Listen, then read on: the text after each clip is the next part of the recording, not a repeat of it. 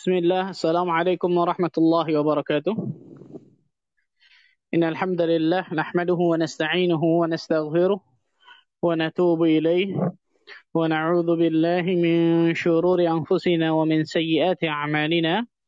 من يهده الله فلا مضل له ومن يضلل فلا هادي له. أشهد أن لا إله إلا الله وحده لا شريك له وأشهد أن محمدا عبده ورسوله. صلوات الله وسلامه عليه نبينا أو حبيبنا محمد صلى الله عليه وعلى آله وصحبه وسلم. قال الله تعالى في كتابه الكريم يا أيها الذين آمنوا اتقوا الله حق تقاته ولا تموتن إلا وأنتم مسلمون أما بعد.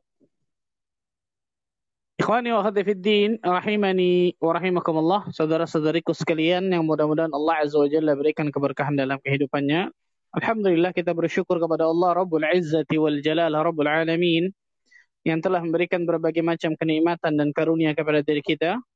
Sehingga pada kesempatan malam hari yang berbahagia ini Allah Subhanahu wa taala masih melimpahkan berbagai macam nikmat dan karunia-Nya kepada kita sehingga kita dapat mengikuti kajian rutin kita, kajian online kita via Clubhouse ini. Mudah-mudahan Allah Azza wa Jalla selalu berikan kenikmatan dan karunia kepada kita, keikhlasan bagi diri kita menuntut ilmu syar'i, kemudahan untuk bisa mengamalkan ilmu-ilmu yang telah kita ketahui. Allahumma amin. Salat dan salam semoga tercurah kepada Rasulullah sallallahu alaihi wasallam, nabi akhir zaman, nabi yang telah membawa kita dari zaman kejahilian, dari zaman kebodohan, dari zaman keterasingan akan ilmu menuju zaman yang terang benderang akan ilmu syar'i itu zaman as-sunnah. Ma'asyarul muslimin wal muslimat rahimani wa rahimakumullah melanjutkan mabahas kita ikhwan tentang kitab Khulasah Ta'zimil Ilm tentang kitab ringkasan dari keagungan ilmu atau memuliakan ilmu karya dari Syekh Saleh bin Abdullah bin Hamad Al-Usaimi hafizahullah taala wa ra'ahu.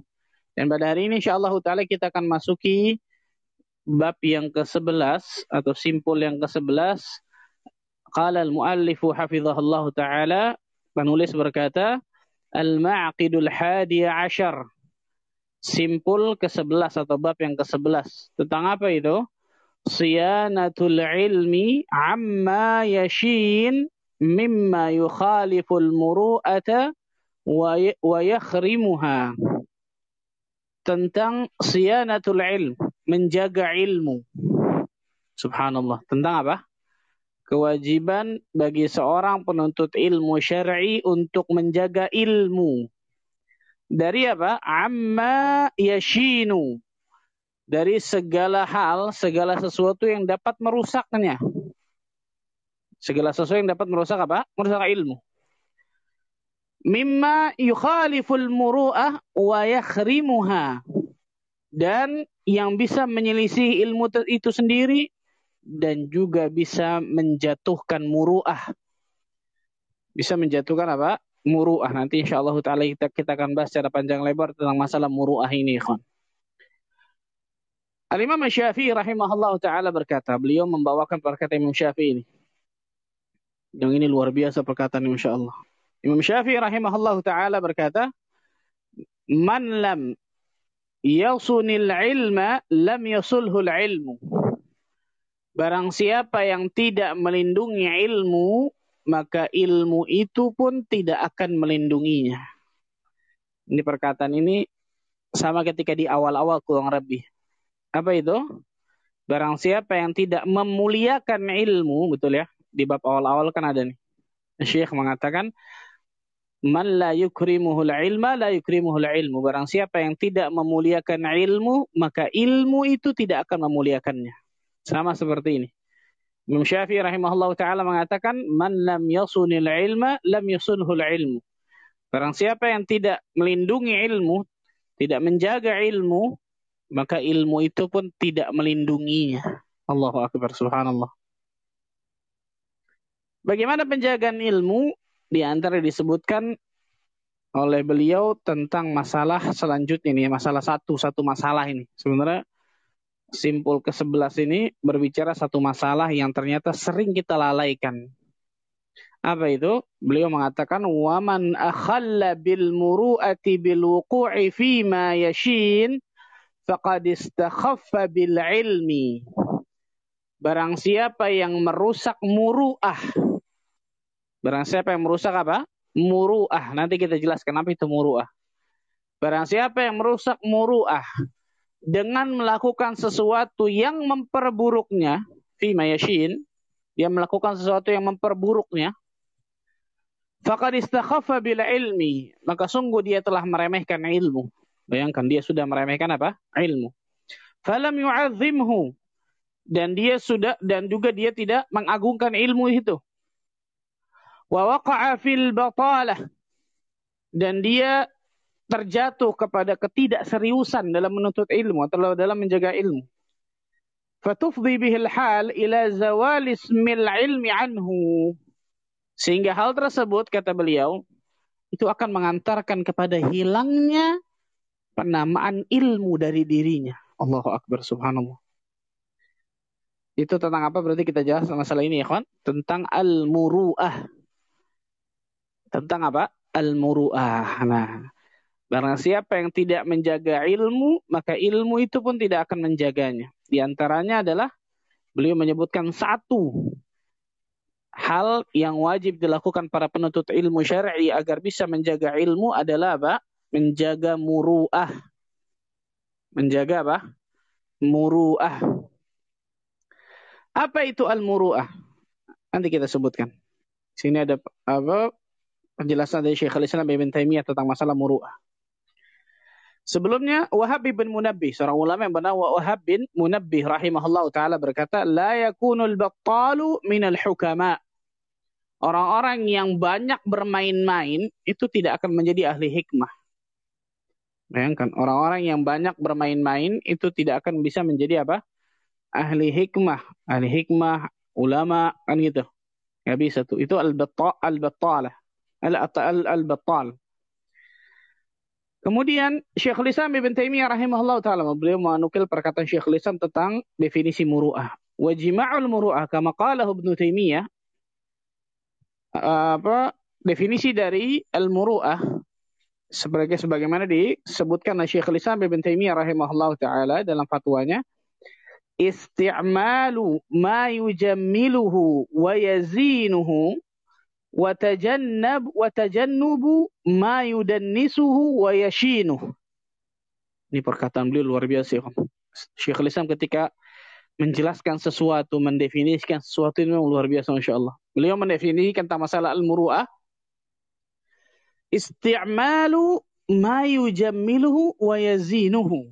Menggunakan segala sarana. Isti'mal. Menggunakan segala hal atau segala sarana yang bisa memperbagus dan menghiasinya. Yang bisa memperbagus dan juga apa? Menghiasinya. Ini Syekh Lisa mengatakan al-muru'ah nih. Menggunakan segala hal atau segala sarana yang bisa memperbagus dan menghiasinya. Watajannubu ma yudannisuhu wa yashinuhu dan menjauhi segala sesuatu yang bisa menurunkan dan memperburuknya dan menjauhi segala sesuatu yang bisa mengotori, menurunkan, memperburuknya. Ini definisi dari Syekhul Islam Ibn Taimiyah rahimahullahu taala tentang al-muru'ah. Isti'malu ma yujammiluhu wa yazinuhu wa tajannubu ma yudannisuhu wa yashinuhu. Menggunakan segala sesuatu, segala hal, segala sarana yang bisa memperbagus dan menghiasi dan menjauhi segala sesuatu, segala hal, segala sarana yang bisa menurunkan, memperburuknya, mengotorinya. Ini definisi dari Syekhul, Syekhul Islam Ibn Taimiyah. Definisi yang lain kita berikan, ikhwan. Dari seorang ulama yang bernama Ibnul Arafah seorang ulama yang bernama Ibnul Arafah. Namanya Ibnul Arafah. Al-Imam Ibnul Arafah atau Ibnu Arafah berkata, Al-muru'ah hiya al-muhafazatu ala fi'li ma tarkuhu min mubahin yujibu dhamma urfan. Yang namanya al-muru'ah kata Ibnu Arafah rahimahullah taala penjagaan al-muhafazah. Penjagaan terhadap suatu perbuatan yang mubah. Ya, perbuatan itu mubah. Penjagaan terhadap suatu perbuatan yang mubah. Ini kata beliau nih, penjagaan terhadap suatu perbuatan yang mubah.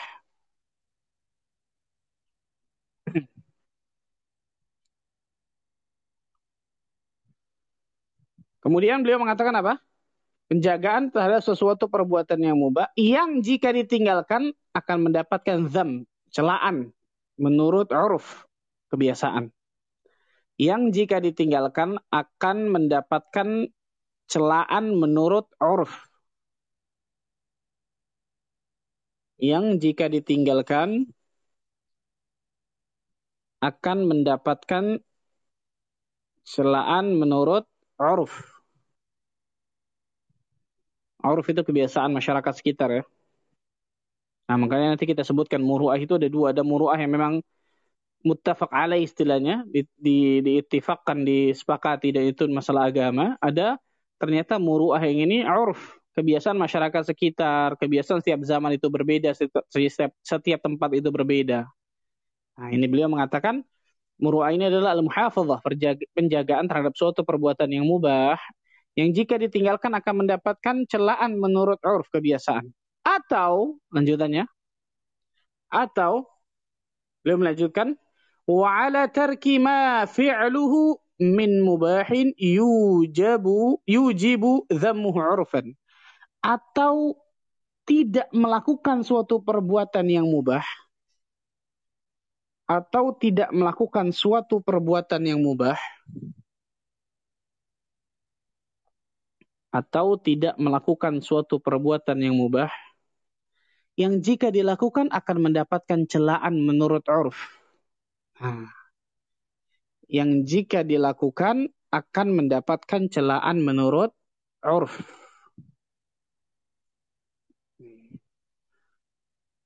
المروءة هي المحافظة على فعل ما تركه من مباح يوجب الذم عرفا وعلى ترك ما فعله من مباح يوجب ذمه عرفا. Jadi muru'ah adalah penjagaan terhadap suatu perbuatan yang mubah yang jika ditinggalkan akan mendapatkan celaan menurut uruf kebiasaan. Atau tidak melakukan suatu perbuatan yang mubah yang jika dilakukan akan mendapatkan celaan juga menurut uruf menurut apa? uruf kebiasaan. Ini disebutkan oleh Ibnu Arafah disebutkan oleh Ibnu Ibnu Arafah tentang muru'ah. Kemudian definisi yang ketiga dikatakan oleh uh, Al-Imam apa? dalam kitab Rawdul Uqala Al-Imam Ibnu Hibban Al-Busti. Al-Imam Ibnu Hibban mengatakan dalam kitabnya Rawdatul Uqala Muru'ah kata beliau secara umum terbagi dua. Makanya tadi sama-sama seperti Ibnu Arafah nih. Muru'ah secara umum terbagi dua kata beliau. Yang pertama, menjauhi perangai yang tidak disukai Allah dan kaum muslimin. Yang pertama nih. Menjauhi perangai yang tidak disukai Allah dan kaum muslimin. Muru'ah itu menjauhi perangai yang tidak disukai Allah dan kaum muslimin. Dan yang kedua kata beliau, dan menerapkan perangai yang dicintai Allah dan kaum muslimin. Dan menerapkan perangai yang dicintai Allah dan kaum muslimin. Ini beliau menyebutkan dalam kitabnya Raudatul Uqala. Yang ketiga nih. Yang keempat dikatakan Syekh eh, dikatakan oleh Imam Ibnu Qayyim Al-Jauziyah dalam kitabnya Madarijus Salikin. Dalam kitabnya Madarijus Salikin, Al-Imam Ibnu Qayyim Al-Jauziyah mengatakan hakikat muru'ah, hakikatul muru'ah. Hakikat muru'ah itu adalah menjauhi hal-hal rendahan dan hina. Allahu Akbar. Sesuatu yang receh, sesuatu yang rendah, itu jauh itu. Baik dalam perkataan, akhlak maupun perbuatan. Ini kata beliau. Al-Imam Ibn Qayyim mendefinisikan muru'ah itu adalah menjauhi hal-hal rendahan dan hina, receh kalau bahasa kita istilahnya. Baik dalam perkataan, akhlak maupun perbuatan. Kita sudah dapat empat definisi, betul ya? Masih banyak lagi. Imam Al-Mawardi juga meriwayatkan dan lain sebagainya. Tapi kita sebut, tapi empat ini insya Allah Taala cukup. Empat ini insya Allah Taala cukup menjelaskan tentang apa itu al-muru'ah. Ya, kalau bahasa Indonesia kira-kira apa nih, Khon? Muru'ah ini. Mungkin lebih pasnya muru'ah ini bisa diartikan kewibawaan. Nah, al-muru'ah ini bisa diartikan mungkin di bahasa Indonesia kewibawaan. Kewibawaan. Jadi kalau orang melakukan hal tersebut, kewibawaannya bisa jatuh tuh. Dan ketika orang meninggalkan hal tersebut pun, itu wibawanya bisa juga jatuh kalau memang apa? Itu menurut syariat ataupun menurut urf kebiasaan masyarakat sekitar. Nah, ini hakikat dari muruah. Maka saya katakan tadi apa? Muruah ini secara definisi seperti ini dan secara harfiah mungkin bisa diartikan apa? Bisa diartikan kewibawaan. Bisa diartikan kewibawaan. Qila li Abi Muhammad Sufyan ibn Uyainah. Aku berkata kepada Abu Muhammad Sufyan bin Uyainah. Sufyan bin Uyainah ini, ikhwan, di antara ulama Mekah luar biasa ma'ruf. Di antara guru Imam Syafi'i rahimahullah ta'ala. Sufyan ibn Uyainah rahimahullah ta'ala. Aku berkata kepada Sufyan ibn Uyainah, "Qad istanbatat min al-Qur'an, qad istanbaqta min al-Qur'ani kull shay. Fa aina al-muru'ata fihi?" Wahai Abu Muhammad, itu Sufyan bin Uyainah, engkau itu selalu beristinbat dengan Al-Quran. Ini hebatnya ulama, pastikan selalu apa berdalil Al-Quran Sunnah. Engkau pasti selalu beristinbat, mengambil hukum itu dari Al-Quran Al-Karim. Dalam segala perkara, fi kulli syai. Fa'ainal muru'ata fi kalau begitu tolong tunjukkan kepadaku mana ayat yang menyebutkan tentang muru'ah maksudnya. Mana tentang muru'ah di dalil mana gitu. Dan sebenarnya dalil banyak luar biasa subhanallah. Beliau menyebutkan satu di antara dalam surah Al-A'raf. Dalam surah Al-A'raf ayat ke-199. Dalam surah Al-A'raf ayat ke-119. Apa itu? Allah Azza wa Jalla berfirman, "Khudzil 'afwa wa'mur bil 'urfi wa'rid 'anil jahilin." Khudil afwa. Apa itu khudil afwa? Berikanlah maaf. Berikanlah maaf. Lihat. Dalam Al-Quran antum cari ikhwan. Tidak ada perintah untuk minta maaf. Yang ada perintah untuk memberikan maaf. Kenapa? Karena orang kalau salah ya wajib minta maaf. Gak sebagai disuruh kan gitu.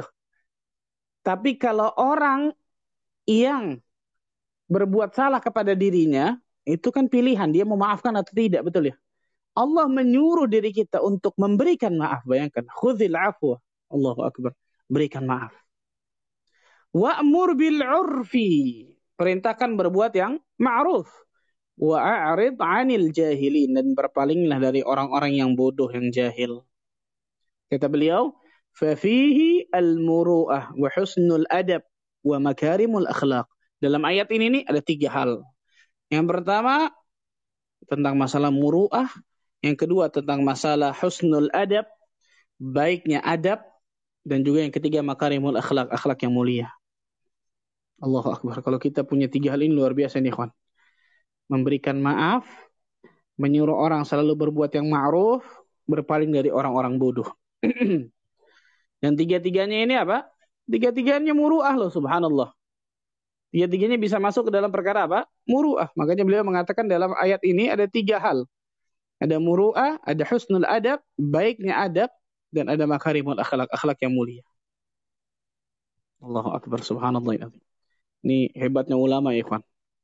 Kalau ditanya langsung Masya Allah jawabannya pasti apa? Jawabannya dalil. Jawabannya dalil, subhanallah.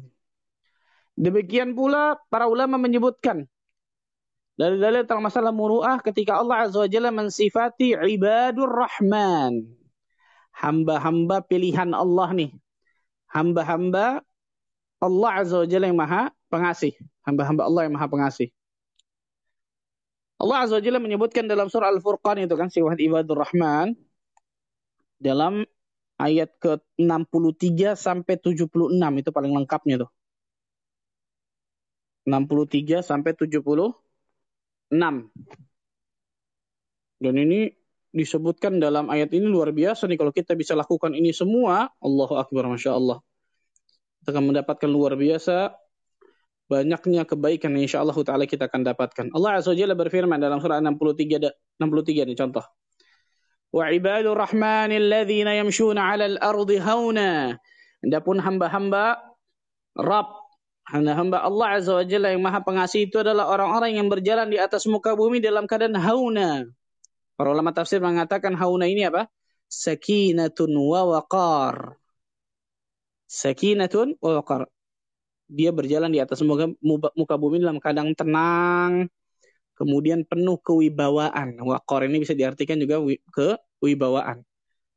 Bagi laki-laki kewibawaan, bagi perempuan mungkin apa? Keanggunan mungkin ya sakinatun wa waqar. Ulama lain mengatakan waqar eh, atau hauna di sini bisa diartikan sakinina mutawadhi'in. Orang yang berjalan di atas muka bumi ini dalam keadaan tenang dan tawadhu'. Dan juga apa? Tawadhu. Makanya diartikan banyak diartikan hauna di situ bisa diartikan rendah hati, betul ya?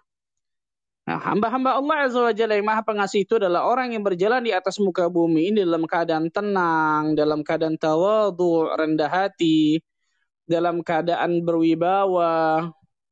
Subhanallah. Wa idza khatabahumul jahiluna qalu salama. Persis seperti ayat yang tadi itu Al-A'raf 199. Dan apabila orang-orang bodoh, orang-orang jahil menyapa mereka itu dengan kata-kata yang kasar, yang menghina, qalu salama. Mereka mengucapkan apa? Salama, keselamatan. Maksudnya apa? Mereka nggak membalas dengan sesuatu perbuatan bodoh pula, enggak. Ya, sudah orang jahil sudah. Mengapa kemudian ladenin? Harusnya seperti itu, betul ya? Tapi kita kan sering geram, betul ya? Sering bawaannya nafsu aja, bawaannya naik darah aja, subhanallah. Kalau kita punya muru'ah nih, nggak bakal kita ladenin orang-orang seperti itu, sudah kelas. Betul ya? Subhanallah. Harusnya seperti itu. Kalau salama. Ucapkanlah apa? Salam. Salam di sini maksudnya apa? khatibu khataban yusallimuhu fihi minal ithm wa yusallimuhu min muqabalatil jahil bijahlihi. Itu dengan apa perkataan yang indah, perkataan yang bagus, bukan kemudian sebaliknya. Dengan bisa bisa dengan ketenangan, dengan perkataan yang baik dan lain sebagainya. Walladzina yabituna li rabbihim sujjada wa qiyama dan orang-orang yang menghabiskan waktunya pada malam hari beribadah di Tuhan pada Rabb mereka dalam keadaan sujud dan berdiri dan terus tuh. Dari ayat 63 sampai 76. Ayat 63 sampai 76 itu para ulama menyebutkan itu ayat menyebutkan tentang sifat muruah yang tinggi kata para ulama. Makanya Allah sebutkan eh, para ulama menyebutkan itu sifat ibadur rahman sifat hamba-hamba pilihan Allah Azza wa Jalla. Punya sifat itu tuh. Dari sifat 63 atau dari ayat 63 sampai 76. Allahu Akbar. Kemudian ayat yang lain Allah Azza wa Jalla juga mempersaksikan tentang pemilik muruah ini itu orang-orang yang beruntung. Dalam ayat apa itu? Surah Al-Mu'minun ayat ke-1 sampai 10. Surah Al-Mu'minun 23 ayat ke-1 sampai ke 10. Allah Azza wa Jalla berfirman apa? Qad aflahal mu'minun. Sungguh beruntung orang-orang yang beriman. Alladzina hum fi salatihim khashi'un. Itu orang-orang yang khusyuk dalam salatnya. Walladzina hum 'anil lagwi mu'ridun. Dan orang-orang yang menjauhkan diri dari perbuatan apa? Dari perbuatan ataupun perkataan yang lagu. Yang nggak ada gunanya. Dia berpaling dari perkataan, perbuatan yang nggak ada gunanya. Lihat, ini di antaranya murah, betul ya? Walladzina hum lizakati fa'ilun. Dan orang-orang yang menunaikan zakat. Walladzina hum li furujihim. Dan orang-orang yang memelihara kemaluannya. Illa, illa ala azwajihim aw ma malakat aimanuhum. Fa'inahum ghairu malumin kecuali terhadap istri-istri mereka ataupun hamba sahaya mereka yang mereka miliki maka sesungguhnya mereka tidak terjelah. Famadi ibtagha wara'a dzalik faulaika humul adun. Tapi barang siapa yang mencari di balik itu yang ternyata apa? Perzinahan sesuatu yang haram kan gitu. Maka mereka itulah orang-orang yang melampaui batas. Walladzina hum li amanatihim wa ahdihim ra'un. Dan sungguh beruntung orang-orang yang memelihara amanat-amanah dan juga janji-janji. Allahu Akbar. Lihat. Memelihara amanah, janji. Ini kewajiban dan ini pun masuk muruah kata para ulama. Walladzina hum walladzina hum ala salawatihim yuhafizun. Serta orang yang memelihara salatnya, ulaika humul warithun. Mereka itulah orang-orang yang mewarisi. Mewarisi apa? Mewarisi surga Firdaus. Allahu Akbar. Nah, ini di antara kata para ulama. Allah Azza wa Jalla menjelaskan tentang pemilik muruah ini dia sih adalah orang yang beruntung. Ayat yang lain, dalil yang lain tentang masalah muruah ini, ikhwan. Allah Azza wa Jalla mengisahkan tentang Luqman. Luqman Hakim yang mengajarkan anaknya tentang muruah. Surat apa itu? Surat Luqman jelas namanya Luqmanul Hakim surat Luqman kan itu surat Luqman ayat 17 sampai 19 surat 31 Luqman ayat 17 sampai 19 Allah Azza wa Jalla mengajarkan anaknya Luqmanul Hakim luar biasa. Ya bunayya aqimis salata wa'mur bil ma'ruf wanha 'anil munkar wasbir 'ala ma asabak. Wahai anakku kata beliau kata Luqmanul Hakim ini Aqimis salata tegakkanlah salat, wa'mur bil ma'ruf, perintahkan manusia untuk berbuat yang ma'ruf, wanha 'anil munkar. Cegahlah manusia dari berbuat apa? Ya munkar. Wasbir 'ala ma asabak. Bersabarlah terhadap apa yang menimpamu. Bersabarlah dari apa yang Allah berikan ujian musibah kepadamu. Inna dzalika min azmil umur. Sesungguhnya yang demikian itu termasuk termasuk perkara yang penting. Kemudian Allah menyebutkan perhatikan wala tusa'ir khaddaka linnas dan janganlah kalian memalingkan wajah kalian dari manusia. Kenapa? Karena sombong. Wala tamshi fil ardi maraha. Jangan kalian berjalan di atas muka bumi dalam keadaan angkuh. Innallaha la yuhibbu kulla mukhtalin fakhur. Sesungguhnya Allah Azza wa Jalla tidak menyukai orang-orang yang sombong lagi membanggakan diri. Kemudian Allah mengatakan, Luqman memberikan apa? Uh, wasiat lagi kepada anaknya, waqsid fi mashyika waghdud min sautik dan bersedekahlah dan berjalanlah dan juga apa? Apa? Waq waqsid fi fi mashyatik fi mashyatik fi mashyika subhanallah. Kemudian Allah mengatakan waq waqsid dan bersedekahlah. Kemudian fi mashyika dalam berjalan waqdud min sautik dan juga rendahkan suaramu. Inna al aswati la sautul hamir. Sesungguhnya seburuk-buruknya suara adalah suara apa? suara keledai. Lihat. Ini luar biasa banyak banget ini, kan. Perkara muruah yang luar biasa yang bisa kita ambil pelajaran bagi diri kita luar biasa Masya Allah. Luqmanul Hakim mengajarkan kepada anaknya luar biasa banyaknya. Di antaranya yang terakhir tuh, tuh yang paling jelas tentang masalah muruah. Apa itu? Hati-hati dengan suaramu. Betul ya? Berapa banyak orang luar biasa. Kathratul dhahik. Contoh. Banyak tertawa luar biasa. Bahkan ketika tertawa dengan suara yang yang apa? yang kencang luar biasa. Ini bisa menjatuhkan muruah kata para ulama. Bayangkan ini luar biasa tulabul ilm. Sampai seperti ini perhatikan ikhwan. Sampai seperti ini nggak sembarangan subhanallah. Coba bayangkan. Makanya kalau kita perhatikan ilmu hadis di antara ilmu hadis itu pasti ada yang namanya perawi tersebut tidak khawarimul muruah. Muruahnya itu nggak cacat. Bayangkan. Karena kalau muruahnya itu cacat, persaksiannya nggak bisa diambil, hadisnya nggak bisa diambil. Atau paling tidak bisa turun derajatnya dari sahih ke hasan, hasan ke daif. Khawarimul muruah namanya. Kewibawaannya itu jatuh. Bayangkan. Sampai seperti itu ya kan. Ulama hadis sampai ketatnya tentang masalah hadis ini. Luar biasa Masya Allah. Itu al-muruah. Itu muruah. Ibunda kita Khadijah radhiyallahu anha ketika menenangkan Nabi Muhammad sallallahu alaihi wasallam ketika turun wahyu pertama tuh kan Rasulullah SAW menggigil luar biasa. Mengatakan zammiluni zammiluni dathiruni dathiruni. Selimuti aku selimuti aku. Luar biasa menggigil Nabi SAW karena melihat kejadian sesuatu yang luar biasa yang nggak pernah beliau lihat seumur hidup beliau. Maka kemudian Rasul mengatakan apa? Laqad khashitu ala nafsi. Sungguh aku takut tertimpa keburukan bagi, bagi diriku. Para ulama sirah menjelaskan banyak di antaranya Nabi Muhammad SAW takut tertimpa gila pada saat itu karena melihat sesuatu yang luar biasa. Ya Jibril, dalam bentuk aslinya, betul ya. Dan kejadian-kejadian yang di Gua Hira, aku takut aku gila istilahnya. Terus sebagai ulama sirah mengatakan seperti itu. Ada ulama lain mengatakan aku takut ditimpa kematian dan lain sebagainya. Intinya suatu keburukan lah. Maka Khadijah menenangkan Nabi Muhammad SAW dengan mengatakan apa? Kalla wallah. Tidak mungkin. Sekali-kali tidak wahai suamiku. Wallahi. Tidak mungkin. Tidak mungkin. Wallahi la yukhzikallahu abada. Demi Allah. Allah Azza wa tidak akan mungkin pernah me menghinakan dirimu. Kenapa? Innaka la tasilur rahim. Ya, engkau adalah seseorang yang selalu menyambung apa? Tali silaturahim. Wa taksibul ma'dum, orang yang orang menolong kesusahan. Orang yang membantu orang yang tidak punya waktu tukrimud daif, orang yang memuliakan tamu. Orang yang menunjuki kepada orang yang sedang bingung dan lain sebagainya. Disebutkan tentang apa? Bagaimana akhlak-akhlak Nabi yang luar biasa. Dan itu kata para ulama semuanya masuk kepada adab akhlak yang baik dan juga masuk ke dalam muruah menjaga kewibawaan Nabi Shallallahu Alaihi Wasallam, menjaga martabat Rasul Shallallahu Alaihi Wasallam dengan luar biasa. Nah, itu tentang masalah apa? Muru'ah dalam hadis contohkan.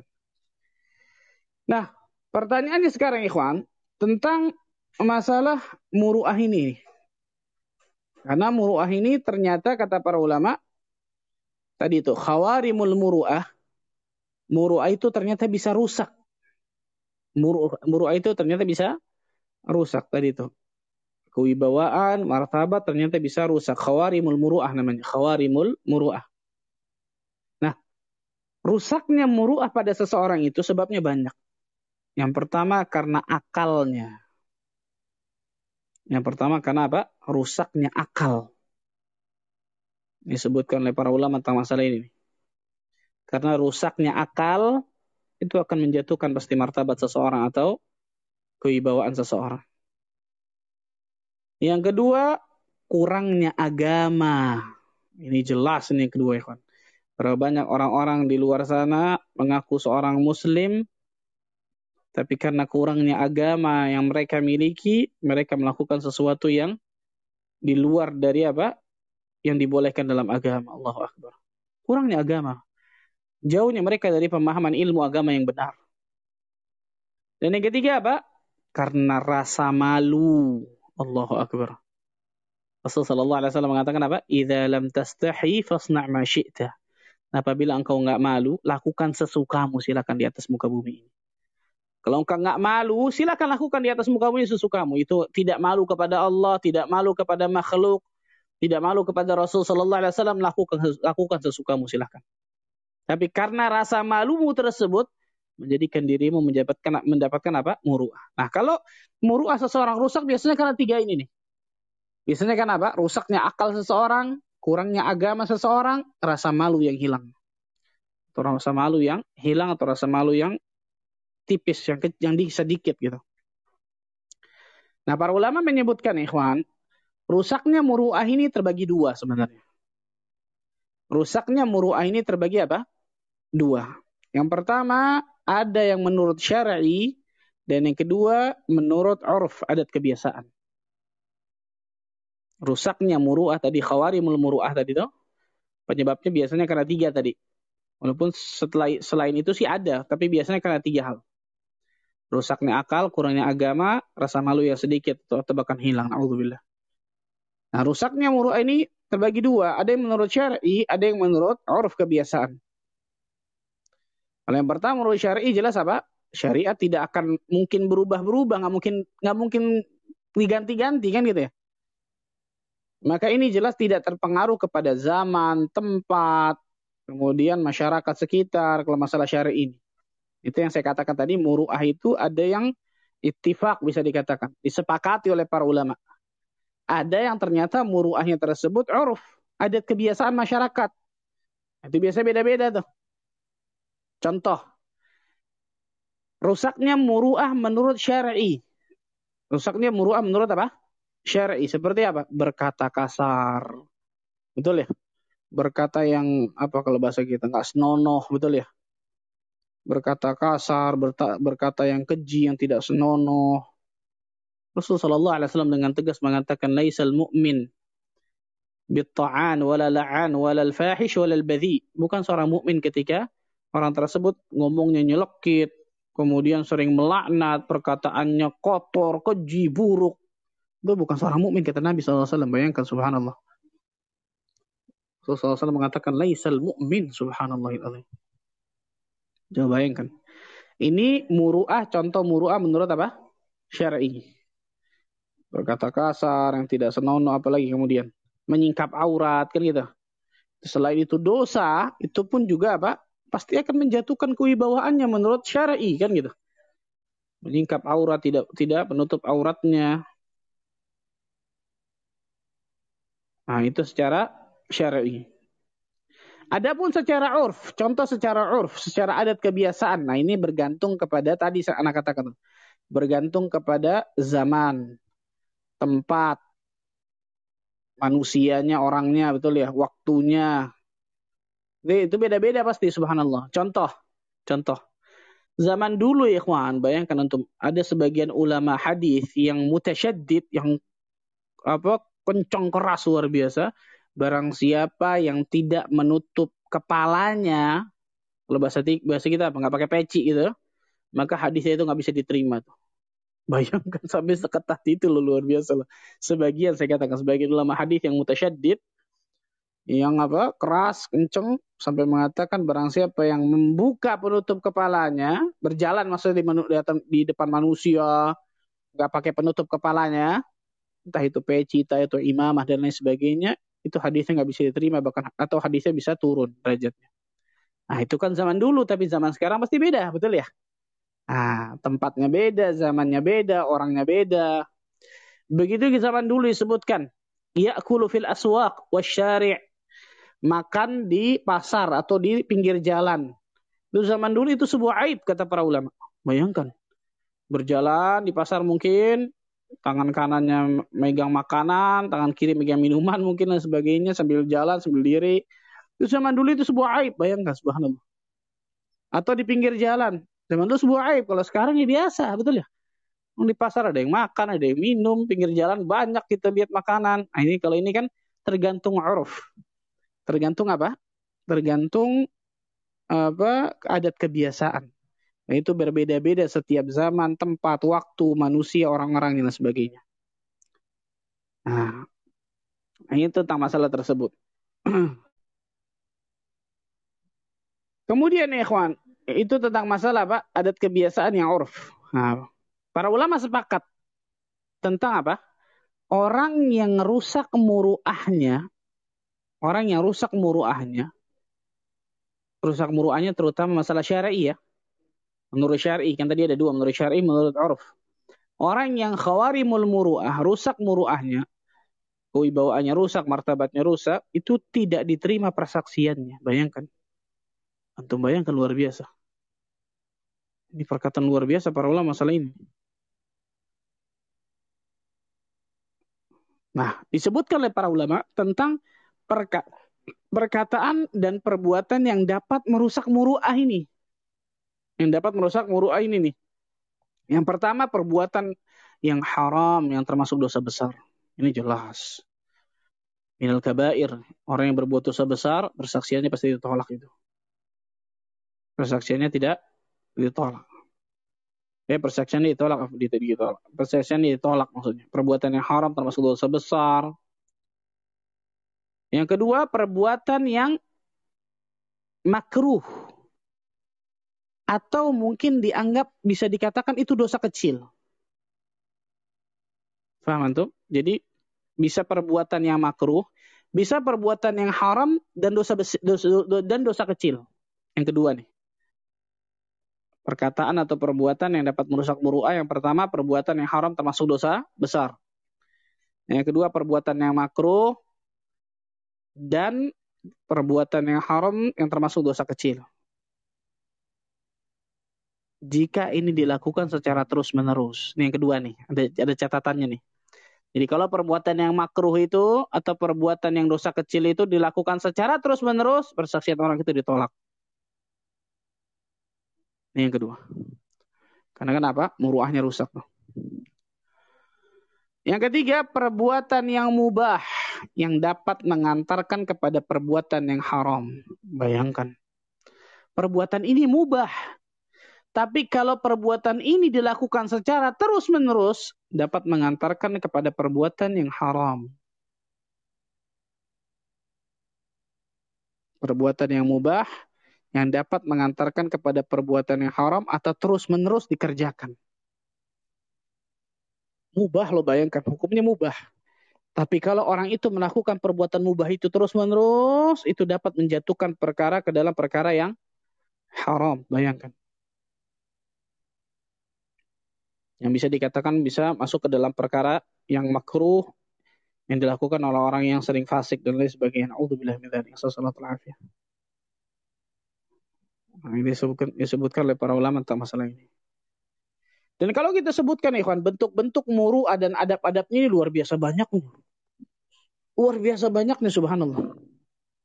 Itu kan tiga, tiga tadi ya disebutkan oleh para ulama. Di antara disebutkan oleh Syekh uh, Syekh masyhur Hasan Al-Salman di antara murid dari Syekh Al-Bani rahimahullah taala Syekh masyhur hafizahullah taala di Yordan sekarang.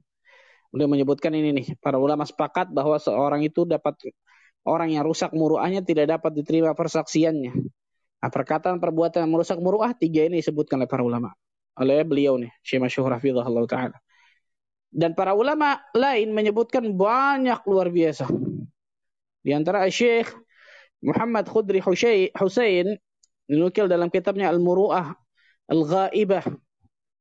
Begitu juga apa? Muhammad Ibrahim, Syekh Muhammad Ibrahim. Ini menyebutkan banyak luar biasa bentuk-bentuk muru'ah dan adabnya. Saya sebutkan beberapa aja, nggak mungkin semua. Yang pertama contoh. Bentuk muru'ah dan adabnya.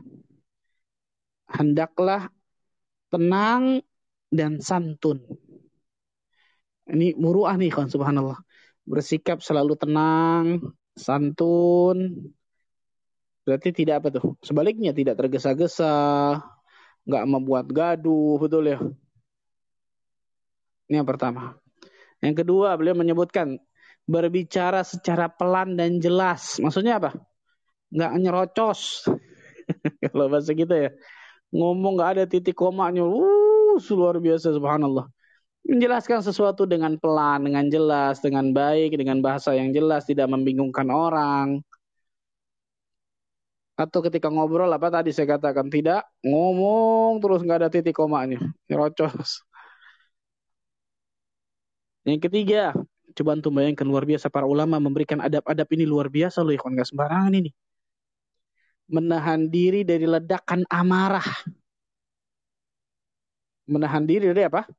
ledakan amarah.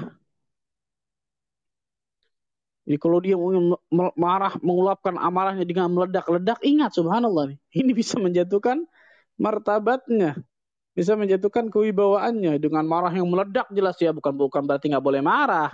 Ketika kita melihat pelanggaran pelanggaran terhadap syariat Allah dan Rasulnya, Rasulullah SAW memerah mukanya, marah betul ya.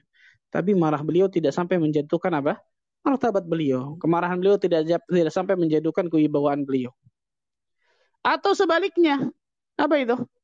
Luapan kegembiraan yang berlebihan. Nah, kita harus nahan diri juga nih. Menahan diri dari luapan apa? Kegembiraan yang berlebihan. Berapa banyak orang ternyata disebutkan dalam hadis kan? Akhta min syiddatil farah, kata Nabi SAW. Dia salah karena terlalu gembira. Orangnya apa? Kehilangan untanya di padang pasir. Itu lah, ma'ruf hadisnya. Dia sudah cari ke sana kemari, ke sana kemari, nggak ketemu-temu luar biasa. Tiba-tiba diduduk satu pohon, untanya lewat depan mukanya. Diambil aja untanya. Dia gembiranya luar biasa. Karena unta itu kita tahu bersama, kalau apa di padang pasir itu bisa berjalan berhari-hari tanpa makanan minum luar biasa. Karena punya cadangan makanan dalam tubuhnya dan minuman.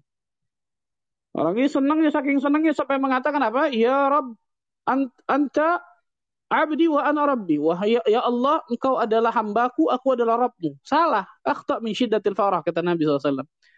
Salah karena saking apa? Senangnya, saking gembiranya yang berlebihan.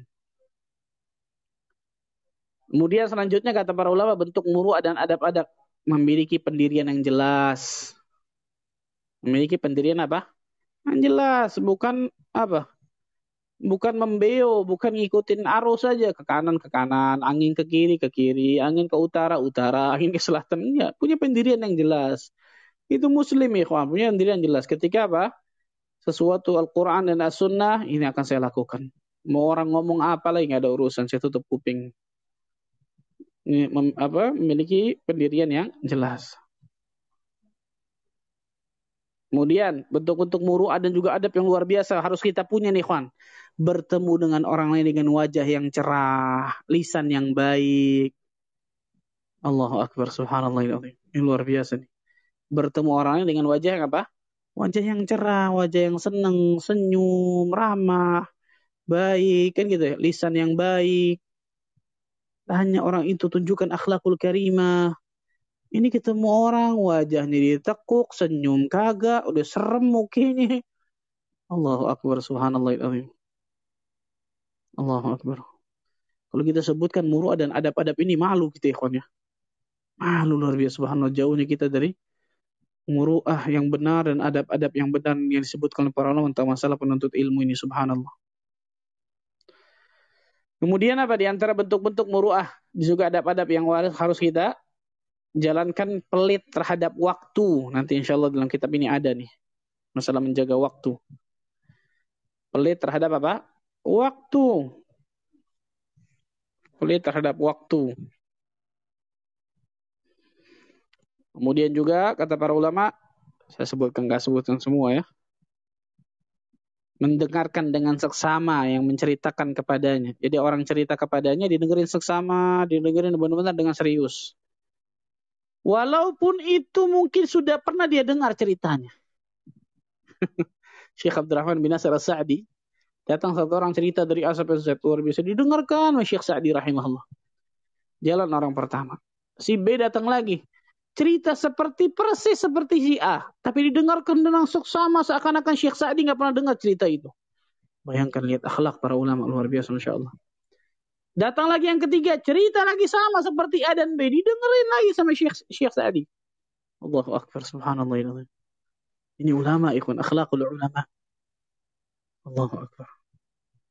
Ini pentingnya kita selalu menjaga-menjaga tentang masalah muruah, menjaga muruah kita, menjaga adab-adab dalam menuntut ilmu. Dan masih banyak ya, kita nggak sebutkan semua. Allah alam besar. Itu mungkin saya bisa sampaikan. Baik Ustaz, jazakumullah khairan atas ilmunya. Semoga Allah senantiasa merahmati antum, Ustaz, berkahi ilmu dan umur antum. Dan teman-teman sekalian, kita telah Allah mudahkan melewati sesi pertama, sesi materi, materi yang sangat penuh dengan ilmu ya.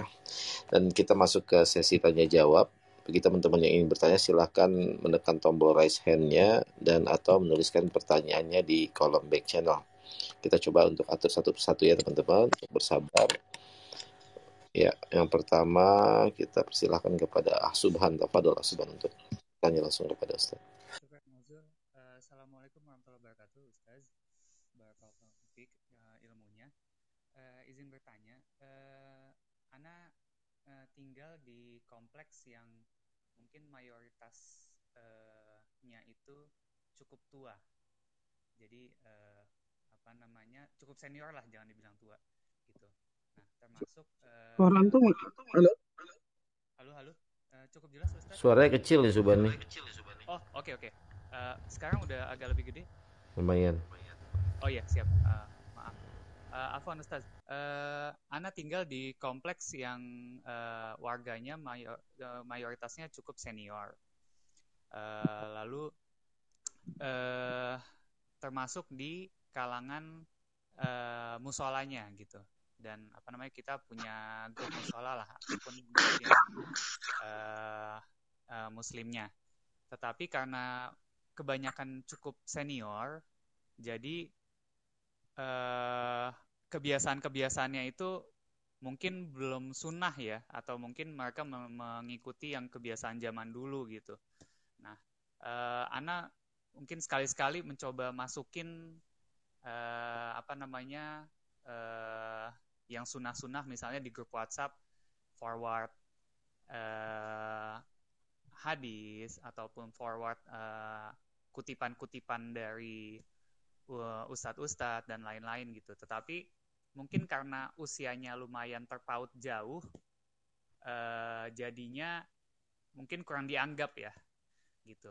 Nah, jadinya uh, karena minoritas jadinya cuma sedikit yang di sini yang udah sunnah jadinya ya kita agak sulit untuk mengubah kebiasaan yang udah ada di kompleks ini gitu nah uh, jadi apakah apakah kita udah tinggal doain aja dan tinggal berakhlak mulia aja uh, sopan yang tadi uh, senyum di uh, di hadapan mereka lalu membantu aja atau apalagi yang mesti kita lakukan karena perbedaan usia ini emang cukup ngefek gitu loh kan jadi nggak nggak dianggap gitu istilahnya gitu Ustaz Afwan barakallahu fiik Nah, nah barakallahu fiikum. Paham insyaallah.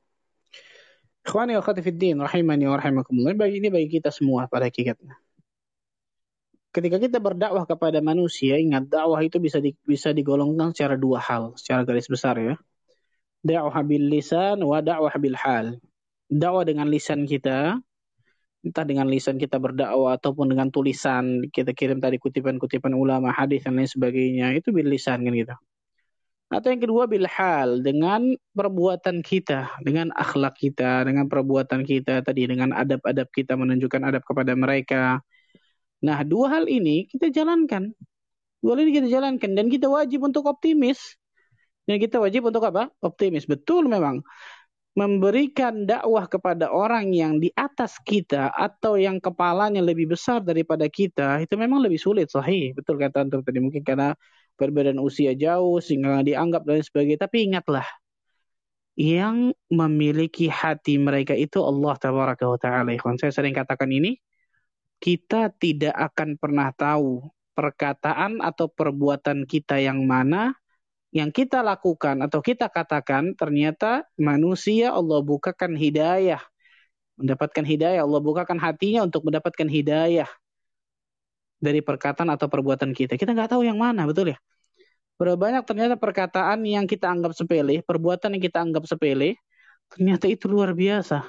Mungkin keluar dari keikhlasan dari hati kita, mungkin dibarengi juga dengan doa kita kepada mereka agar Allah berikan hidayah kepada mereka. Dan ternyata Allah bukakan hati mereka untuk mendapatkan hidayah, hidayah sunnah. Maka jangan pernah remehkan. Optimis dari dakwah yang kita lakukan baik secara lisan ataupun hal cara perbuatan ataupun secara lisan tulisan dan lain sebagainya. Optimis bismillah. Kita dakwah dakwah dakwah yang kasih apa yang gerakan hati manusia adalah Allah azza wajalla kan kita optimis dari apa yang kita lakukan, yakin akan hal tersebut, jangan pernah sepelekan sedikit pun kebaikan yang kita lakukan di antara dakwah ini karena kita karena kita tidak tahu dengan perbuatan dan dengan perkataan kita yang mana yang ternyata Allah bukakan hati manusia dengan perbuatan dan perkataan kita. Dan tadi yang paling terpenting antum katakan tadi doa. Kenapa? Gak ada yang bisa nggak ada yang bisa merubah takdir kecuali doa kan gitu. Para sahabat diajarkan Nabi Shallallahu Alaihi Wasallam untuk doa kepada Allah ya muqallibal qulub tsabbit qalbi ala dinik. Bayangkan sahabat Nabi radhiyallahu anhu jami'an. Yang bisa merubah hati manusia itu tidak lain tidak bukan adalah Allah Azza wa Jalla. Hati manusia berada di antara jari dari jemari Allah Azza wa Jalla. Yuqallibu kaifa yasha. Allah Azza wa Jalla membolak-balikan ke mana pun yang Allah kehendaki. Maka itu yang bisa kita lakukan. Mudah-mudahan itu Allah Azza wa Jalla berikan hidayah taufik kepada kita semua dan kepada mereka semua. Allah alam. Jazakallah khair Ustaz. Mudah-mudahan bisa ngopi ya. bareng Bang Zul juga sama Ustaz di Kopi Bian nanti kapan. Masyaallah barakallahu fikum. Ya, barakallahu fikum dan selanjutnya kepada Pak Saleh. Tafadol Pak Saleh bertanya langsung ke inti pertanyaan Pak Saleh supaya kita bisa ya, berbagi ya. waktu dengan teman-teman kita. Baik, syukron. Uh, Bang Zul, Alhamdulillah. Assalamualaikum warahmatullahi wabarakatuh. Ustaz Ahmad Tajer. Semoga Ustaz, kita semua dan kaum muslimin memperoleh kebaikan dan keselamatan dunia akhirat. Amin. Uh, Ustadz, saya ingin bertanya ini ya sikap ya terhadap uh, antara uh, syariat dengan kebiasaan masyarakat tadi, uruf tadi. Nah, hmm. sebagai contoh, sebagai contoh, ini contoh kasus. Ada seorang calon pengantin ingin menikah, katakan, uh, tapi dia dihadapkan kepada dua, dua hal. Yang hmm. pertama dia ingin melangsungkan secara syariat.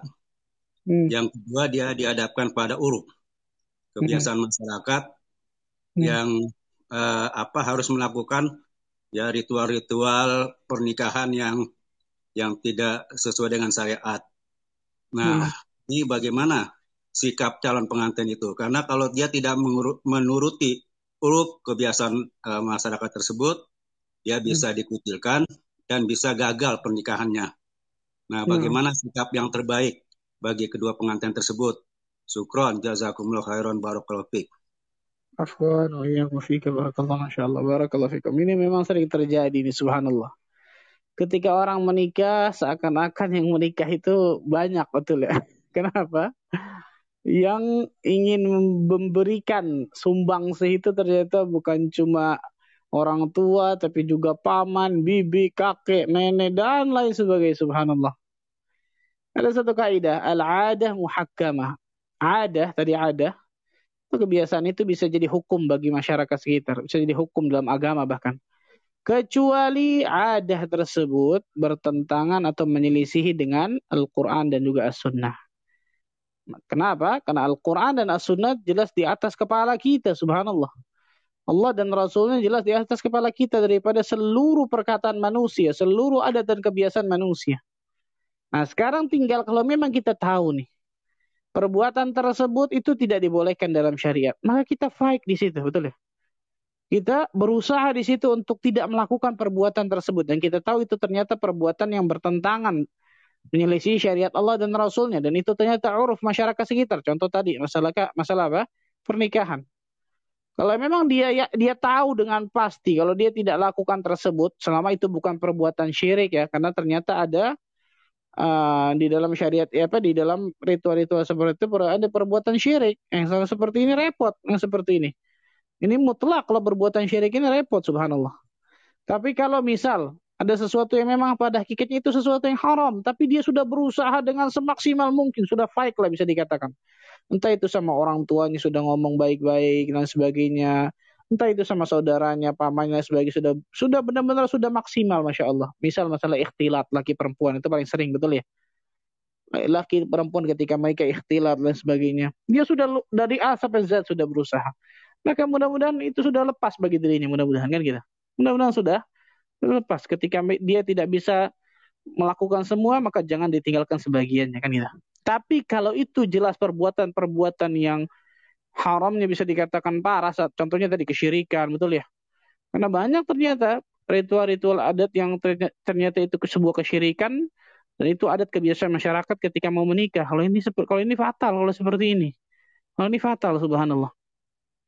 Nah, lihatlah kata para ulama tentang masalah maslahat dan madarat. Di sini balik lagi tadi maslahat dan juga madaratnya. Kalau ditimbang maslahatnya ternyata lebih baik, maka silahkan. Tapi kalau ditimbang madaratnya ternyata lebih baik, maka yakinlah Allah Azza wa pasti akan berikan ganti yang lebih baik daripada itu. Nah, ini pentingnya ketika mereka seperti ini bermusyawarah atau bertanya kepada ahli ilmu yang mengerti dan lain sebagainya menimbang masalah dan madarat karena tidak semua orang yang bisa menimbang masalah dan madarat atau yang lebih luar biasa lagi menimbang mana madarat yang lebih ringan.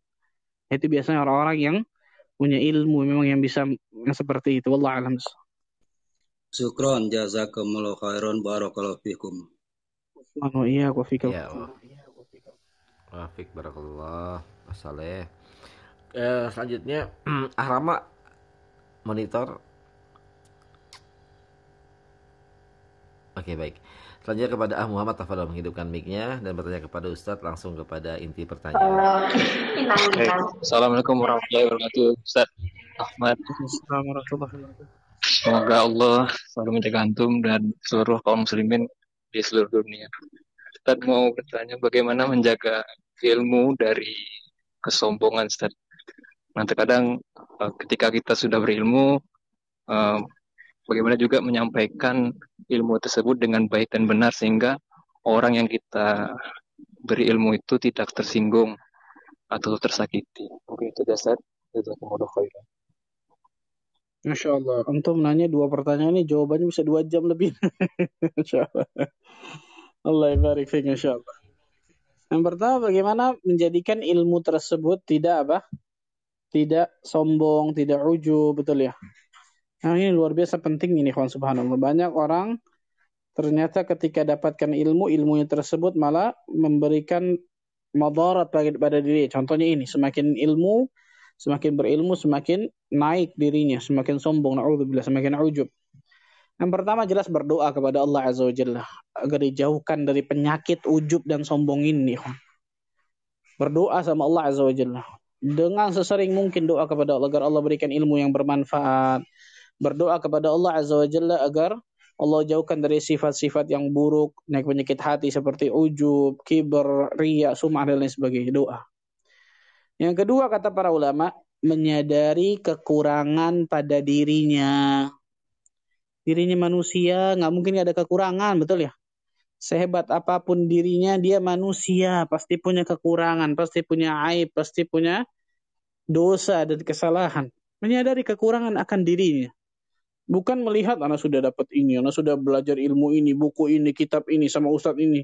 Ya, jangan lihat seperti itu. Kalau seperti itu sih pasti syaitan menghembuskan diri kita untuk selalu ujub dan sombong. Tapi menyadari kekurangan pada diri kita. Yang kedua, eh, yang ketiga kata para ulama, menyadari bahwa apa pun yang diberikan Allah bisa saja dicabut langsung oleh Allah jika Allah kehendaki. Betul nggak ikhwan? Ilmu contohnya. Ya Allah, sebentar banget itu Allah cabut kalau Allah mau. Harta, jabatan, kekuatan, para wajah yang cantik ataupun tampan, itu sebentar Allah mau cabut sebentar. Apa yang mau kita sombongkan kemudian? Yang ketiga nih, menyadari bahwa apa pun yang diberikan Allah bisa saja dicabut oleh Allah jika Allah kehendaki. A'udzubillah min dzalik. Subhanallah. Yang keempat kata para ulama, meyakini bahwa ketaatan seorang hamba, apa pun itu, contohnya ilmu nih, tidak akan pernah menyamai dengan apa? Pemberian Allah kepadanya.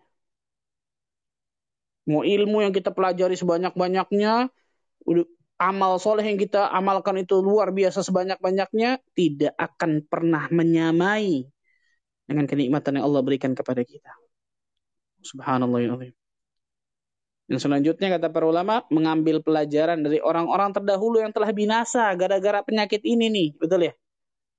Mengambil pelajaran dari orang-orang terdahulu yang telah binasa karena sombong, karena ujub, lihat Korun, lihat Fir'aun, lihat Haman, lihat Iblis, kan gitu. Alhamdulillah min dari. Selanjutnya pula kata para ulama, menyadari bahwa selain dirinya ada yang lebih utama. Apa kata Pak bahasa di atas langit masih ada langit dan di atas langit ada Allah Azza wa Jalla yang ber, ber, beristiwa di atas arasnya. Subhanallah. Menyadari bahwa selain dirinya ada yang lebih utama daripada dirinya. Ini penting nih sama masalah ini, kan. Menyadari bahwa selain dirinya pasti ada yang lebih utama. Mau sehebat apa pun dirinya, pasti ada di atasnya, di atasnya, di atasnya. Selanjutnya pula kata para ulama mengetahui akibat buruk bencana petaka dari sifat sombong atau ujub ini nih. Akibat buruknya luar biasa banyak nih, subhanallah. Kemudian selanjutnya kata para ulama menyadari bahwa kelebihan apa pun yang ada pada dirinya itu pemberian Allah semata, bukan kehebatan kita, bukan karena apa kita luar biasa, itu pemberian Allah semata. Menyadari bahwa kelebihan apa pun yang ada pada diri kita itu adalah pemberian Allah semata. Dan yang terakhir berusaha untuk selalu bersikap tawadu. Berusaha untuk selalu bersikap tawadu. Ada sembilan kalau nggak salah. Betul ya? Kalau bisa sembilan-sembilannya ini kon kita hafalkan mati dalam kepala kita. Karena penyakit ujub dan kiber ini pasti selalu akan dihembuskan syaitan ke dalam diri kita subhanallah. Kemudian yang kedua, cara menyampaikan kepada manusia ini banyak, Masya Allah caranya, ikhwan. Caranya banyak, Masya Allah. Di antaranya kata para ulama yang pertama memilih memilih waktu yang tepat ketika kita ingin berdakwah atau menyampaikan sesuatu. Waktunya tepat. Jangan waktunya lagi panas, lagi lapar, luar biasa, kita sampaikan dakwah. Ini nggak bisa. Memilih waktu yang tepat. Yang kedua kata para ulama, memilih kalimat-kalimat yang lembut dan menyentuh. Cari kalimat-kalimat yang lembut, menyentuh, betul ya? Kalau perlu antum tulis dulu sebelum antum menyampaikan kan gitu. Yang ketiga kata para ulama, sebelum menasehati, hendaklah didahului dengan perbuatan baik dulu. Kasih hadiah dulu mungkin, betul ya? Atau berakhlakul karimah dulu mungkin kepada dirinya, baru kita sampaikan nasihat atau kebenaran kepadanya al-haq dakwah. Jadi hendaklah sebelum nasihat itu disampaikan didahului dengan perbuatan apa? Perbuatan baik. Entah itu hadiah, entah itu akhlakul karimah dan lain sebagainya. Bisa juga dengan apa? Mengajaknya ke majelis ilmu. Ayo, ngaji yuk di tempat ini yuk, di masjid ini yuk. Bisa kan? Kalau kita nggak bisa nyampaikan, ajak mereka ke dalam majelis ilmu. Kemudian juga harus apa? Harus punya kelemah lembutan dan kesabaran ketika berdakwah, ketika menyampaikan. Tidak berhak orang yang tidak punya kelemah lembutan dan kesabar, tidak punya kelemah lembutan, tidak punya kesabaran untuk berdakwah. Nggak berhak orang ini. Kenapa? Karena biasanya akan lebih merusak daripada me memberikan manfaat. Naudzubillah. Kemudian juga kata para ulama apa? Nasihati jangan di depan orang, tapi sir secara tersembunyi. Nasihati kasih apa? Kasih dakwah di sendiri berdua kan kita. Jangan di depan orang banyak. Itu biasanya yang seperti itu pasti akan apa? Naik gengsinya mungkin dan lain sebagainya. Kemudian yang paling penting adalah apa? Ketika di siang hari kita berdakwah kepadanya, jangan lupa di malam hari kita bangun untuk mendoakan orang-orang yang kita dakwahkan. Di sepertiga malam, bangun, doakan. Pernah nggak kita coba kita tanya, ikhwan? Khusus bangun di sepertiga malam untuk mendoakan orang-orang yang memang kita dakwahkan agar Allah berikan hidayah kepada mereka. Allahu Akbar. Jarang bisa jadi, betul ya? Atau bahkan nggak pernah, na'udzubillah. Bisa juga dengan memberikan apa? Video-video pendek ataupun rekaman kajian, CD dan lain sebagainya tentang masalah itu. Allah alam Baik Ustaz Jazakumullah khairan atas jawabannya. Ah Muhammad sudah terjawab ya? Jazakumullah khairan Ustaz. Barakallahu fikum. Baik, iya, Allah semoga Allah memberikan taufik buat kita semua. Dan selanjutnya kepada Ukhti Riri Tafadol bertanya kepada Ustadz langsung ke inti pertanyaan dan satu pertanyaan. Ya, terima kasih atas kesempatannya Ustadz. Semoga Ustadz dan keluarga selalu dalam lindungan Allah. Uh, tadi kan dijelaskan yang menurut para ulama sepakat yang merusak muruah itu ada tiga ya Ustadz ya. Itu yang hmm. yang tidak diterima persaksiannya. Yang pertama yang berbuat dosa besar. Yang kedua perbuatan yang makruh yang dilakukan secara terus menerus uh, yang ketiga perbuatan yang mubah. Nah, pertanyaan saya, kalau misalnya kita sudah bertaubat dari tiga hal tersebut, apakah kesaksian kita akan diterima Ustaz? Hmm. Nah, itu aja pertanyaan saya. Kita kalau khairan Ustaz sebelumnya. Nah, barakallah fikih. Jangankan persaksian. Umar bin Khattab radhiyallahu taala anhu ketika zaman Quraisy bukan hanya berbuat yang tadi betul ya? Bahkan lebih dari itu memusuhi Nabi Shallallahu Alaihi Wasallam dan para sahabatnya bahkan menyiksa para sahabat. Tapi ketika masuk Islam hilang semua tuh. Islam ya jubu makablahu Islam itu menutup seluruh perbuatan dosa kemarin tuh subhanallah. Bahkan orang yang masuk Islam dosanya akan hilang tapi kebaikan-kebaikan yang dilakukan pada sebelum Islam itu akan masuk akan dia dapatkan pahalanya. Luar biasa Rasulullah SAW juga mengatakan at-taib minadz-dzambi kama la dzambalahu. Orang yang bertobat dari dosa seperti seakan-akan dia tidak pernah berbuat dosa. Bayangkan subhanallah. Maka taubat ini luar biasa ya kawan. Taubat jangan pernah remehkan taubat. Karena taubat ini perkara yang besar luar biasa dalam Islam. Banyak orang mengatakan cuma taubat dosa. Dia nggak tahu bagaimana hakikat taubat itu luar biasa. Berat taubat itu ya kawan menyesali akan perbuatan dosa tersebut, meninggalkannya, berazam, bertekad kuat untuk tidak mengulanginya, ikhlas dia meninggalkan seluruh perbuatan keburukan tersebut semua, memperbanyak istighfar memperbanyak istighfar kepada Allah, menggantinya dengan memperbanyak amal soleh, meninggalkan sesuatu yang haram, yang itu harus menjadikan dia istiqamah di jalan Allah Azza wa Jalla dari seluruh tubuhnya, seluruh waktunya, ujung kepala sampai ujung kakinya, seluruh detik dalam kehidupannya, itu luar biasa taubat ikhwan maka pantaslah taubat ini menggugurkan seluruh dosa luar biasa. Maka jelas ketika ditanya, apakah kalau tiga orang bertaubat kemudian diterima persaksiannya bukan hanya persaksian, jadi ulama pun bisa, betul ya? Al-Imam Fudail bin Iyad rahimahullah taala taubat ketika umur beliau 40 tahun. Yang tadinya sebelum taubat gembong perampok di kota Basrah, bayangkan. Fudail bin Iyad, Al-Imam Fudail bin Iyad ma'ruf luar biasa, betul ya? Taubatnya ketika berumur 40 tahun, ketika beliau ingin merampok satu rumah, ketika di atas genteng mendengar suara wanita yang membacakan firman Allah dalam rumah tersebut. Alam ya'ni lilladzina amanu an takhsha'a qulubuhum li dzikrillah wa ma nazala minal haq. Belumkah tiba waktunya bagi orang yang beriman untuk tunduk hatinya kepada Allah dan kepada kebenaran yang telah Allah firmankan kepadanya. Fudail bin Iyad mengerti ayat itu ternyata dan Allah berikan taufik. Ini yang penting, yang paling penting kedua nih. Allah berikan taufik hidayah. Bergetar luar biasa seluruh tubuhnya takut kepada Allah. Detik itu diazamkan saya ingin taubat sama Allah. Jadinya apa? Ulamanya para ulama di kota Basra. Bukan cuma ulama loh. Ulama belajar sama dia. Ulamanya para ulama. Al-Imam Fudail Ibn Iyad rahimahullah ta'ala. Nah, ini taubat ikhwan. Tapi ingat, taubat ini bukan hanya taubat yang kita lakukan setelah itu kemudian tidak ada perubahan dalam amal kita. Taubat yang benar itu pasti selahnya menjadikan seseorang apa? Bertakwa kepada Allah setelah dia taubat. Bukan setelah dia taubat malah kemudian apa? Perbuatan apa amal salehnya dia tidak lakukan, biasa-biasa aja dan lain sebagainya. Nah, kalau seperti ini kan bukan menunjukkan taubatnya nasuha. Maka taubatan itu juga kata para taubat itu bertingkat-tingkat. Semakin bagus taubatnya, semakin Allah berikan berbagai macam keutamaan kepadanya. Allah alam Ya, Utiriri sudah terjawab pertanyaannya. Semoga Allah menerima seluruh taubat-taubat kita. Amin. Dan selanjutnya kepada Ah Ahmad Tafadol untuk bertanya kepada Ustadz satu pertanyaan singkat dan padat. Assalamualaikum Ustaz.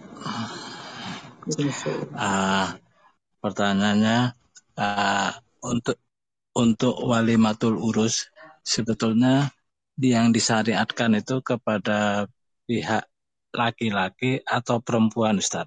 Karena di zaman Rasulullah diperintahkan walimatul urus itu potonglah walaupun seekor kambing. Sedangkan adat kebiasaan sekarang kan dilakukan oleh uh, apa dari keluarga perempuan.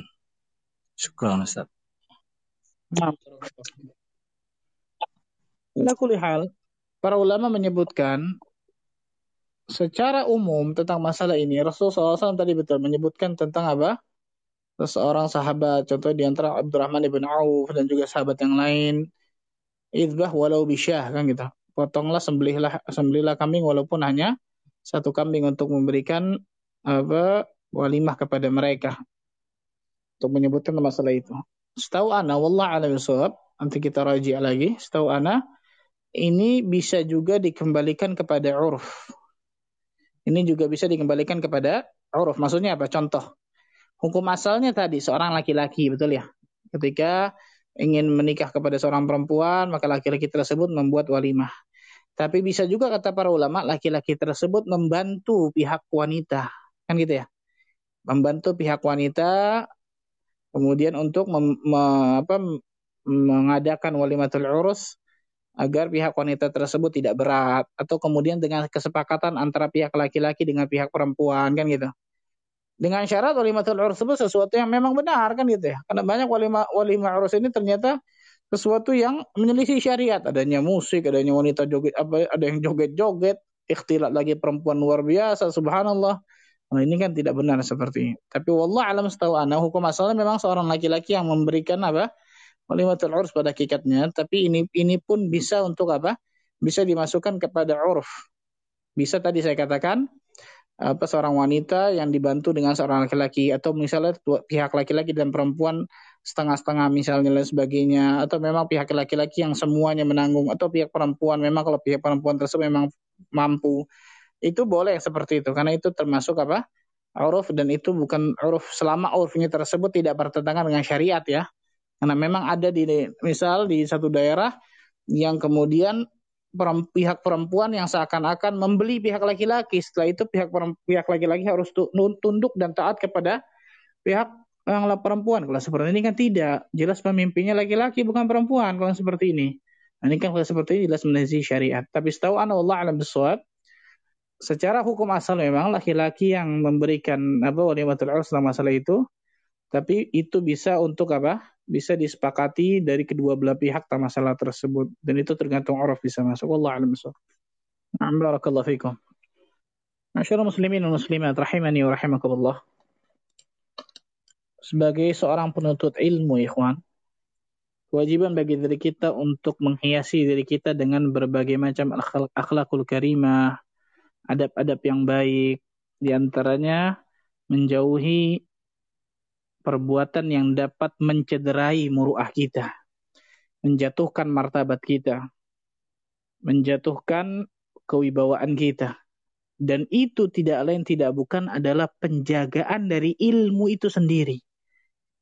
Karena itu perkata Imam Syafi'i di awal kajian kita, barang siapa yang tidak menjaga ilmu, ilmu itu nggak akan pernah menjaganya. Kita melakukan itu semua tidak lain tidak bukan niat kita untuk menjaga ilmu ini sendiri. Karena ketika kita seorang penuntut ilmu tidak mencerminkan akhlakul karimah, tidak mencerminkan adab-adab yang baik, maka pasti manusia yang lain akan menyalahkan Islamnya. Bukan hanya kita yang disalahkan, betul ya? Tapi agama Islamnya kita akan disalahkan. Sunnah Nabi SAW akan disalahkan. Maka saya sering sampaikan masalah ini. Perhatikan ikhwan, ketika kita sudah mengenal sunnah Nabi SAW seorang tulabul ilm, tapi tidak mencerminkan akhlakul karimah, ketahuilah kita bisa menjadi perusak dari dakwah Islamiyah ini. Dakwah sunnah ini kita jadi bisa perusak. Alhamdulillah. Maka hiasi diri kita dengan berbagai macam akhlakul karimah, ada pada yang baik, selalu perbaiki diri ini. Karena manusia pasti ada kekurangan, betul ya? Ketika dilihat kekurangan dalam satu hal, diperbaiki, diperbaiki terus, subhanallah. Sama-sama sama kita belajar. Saya antum semua subhanallah berusaha untuk memperbaiki diri menuju kepada sesuatu yang lebih baik, lebih baik dan seterusnya. Mudah-mudahan dengan ini Allah Azza wa selalu berikan hidayah taufik bagi diri kita sampai Allah wafatkan kita dalam keadaan husnul khatibah dan Allah wafat dan juga Allah kumpulkan kita di surga firdaus tanpa hisab dan tanpa azab. Allahumma amin rabbal alamin subhanakallah bihamdika asyhadu an la ilaha illa wa warahmatullahi wabarakatuh. Waalaikumsalam warahmatullahi wabarakatuh. Sekali lagi kami ucapkan jazak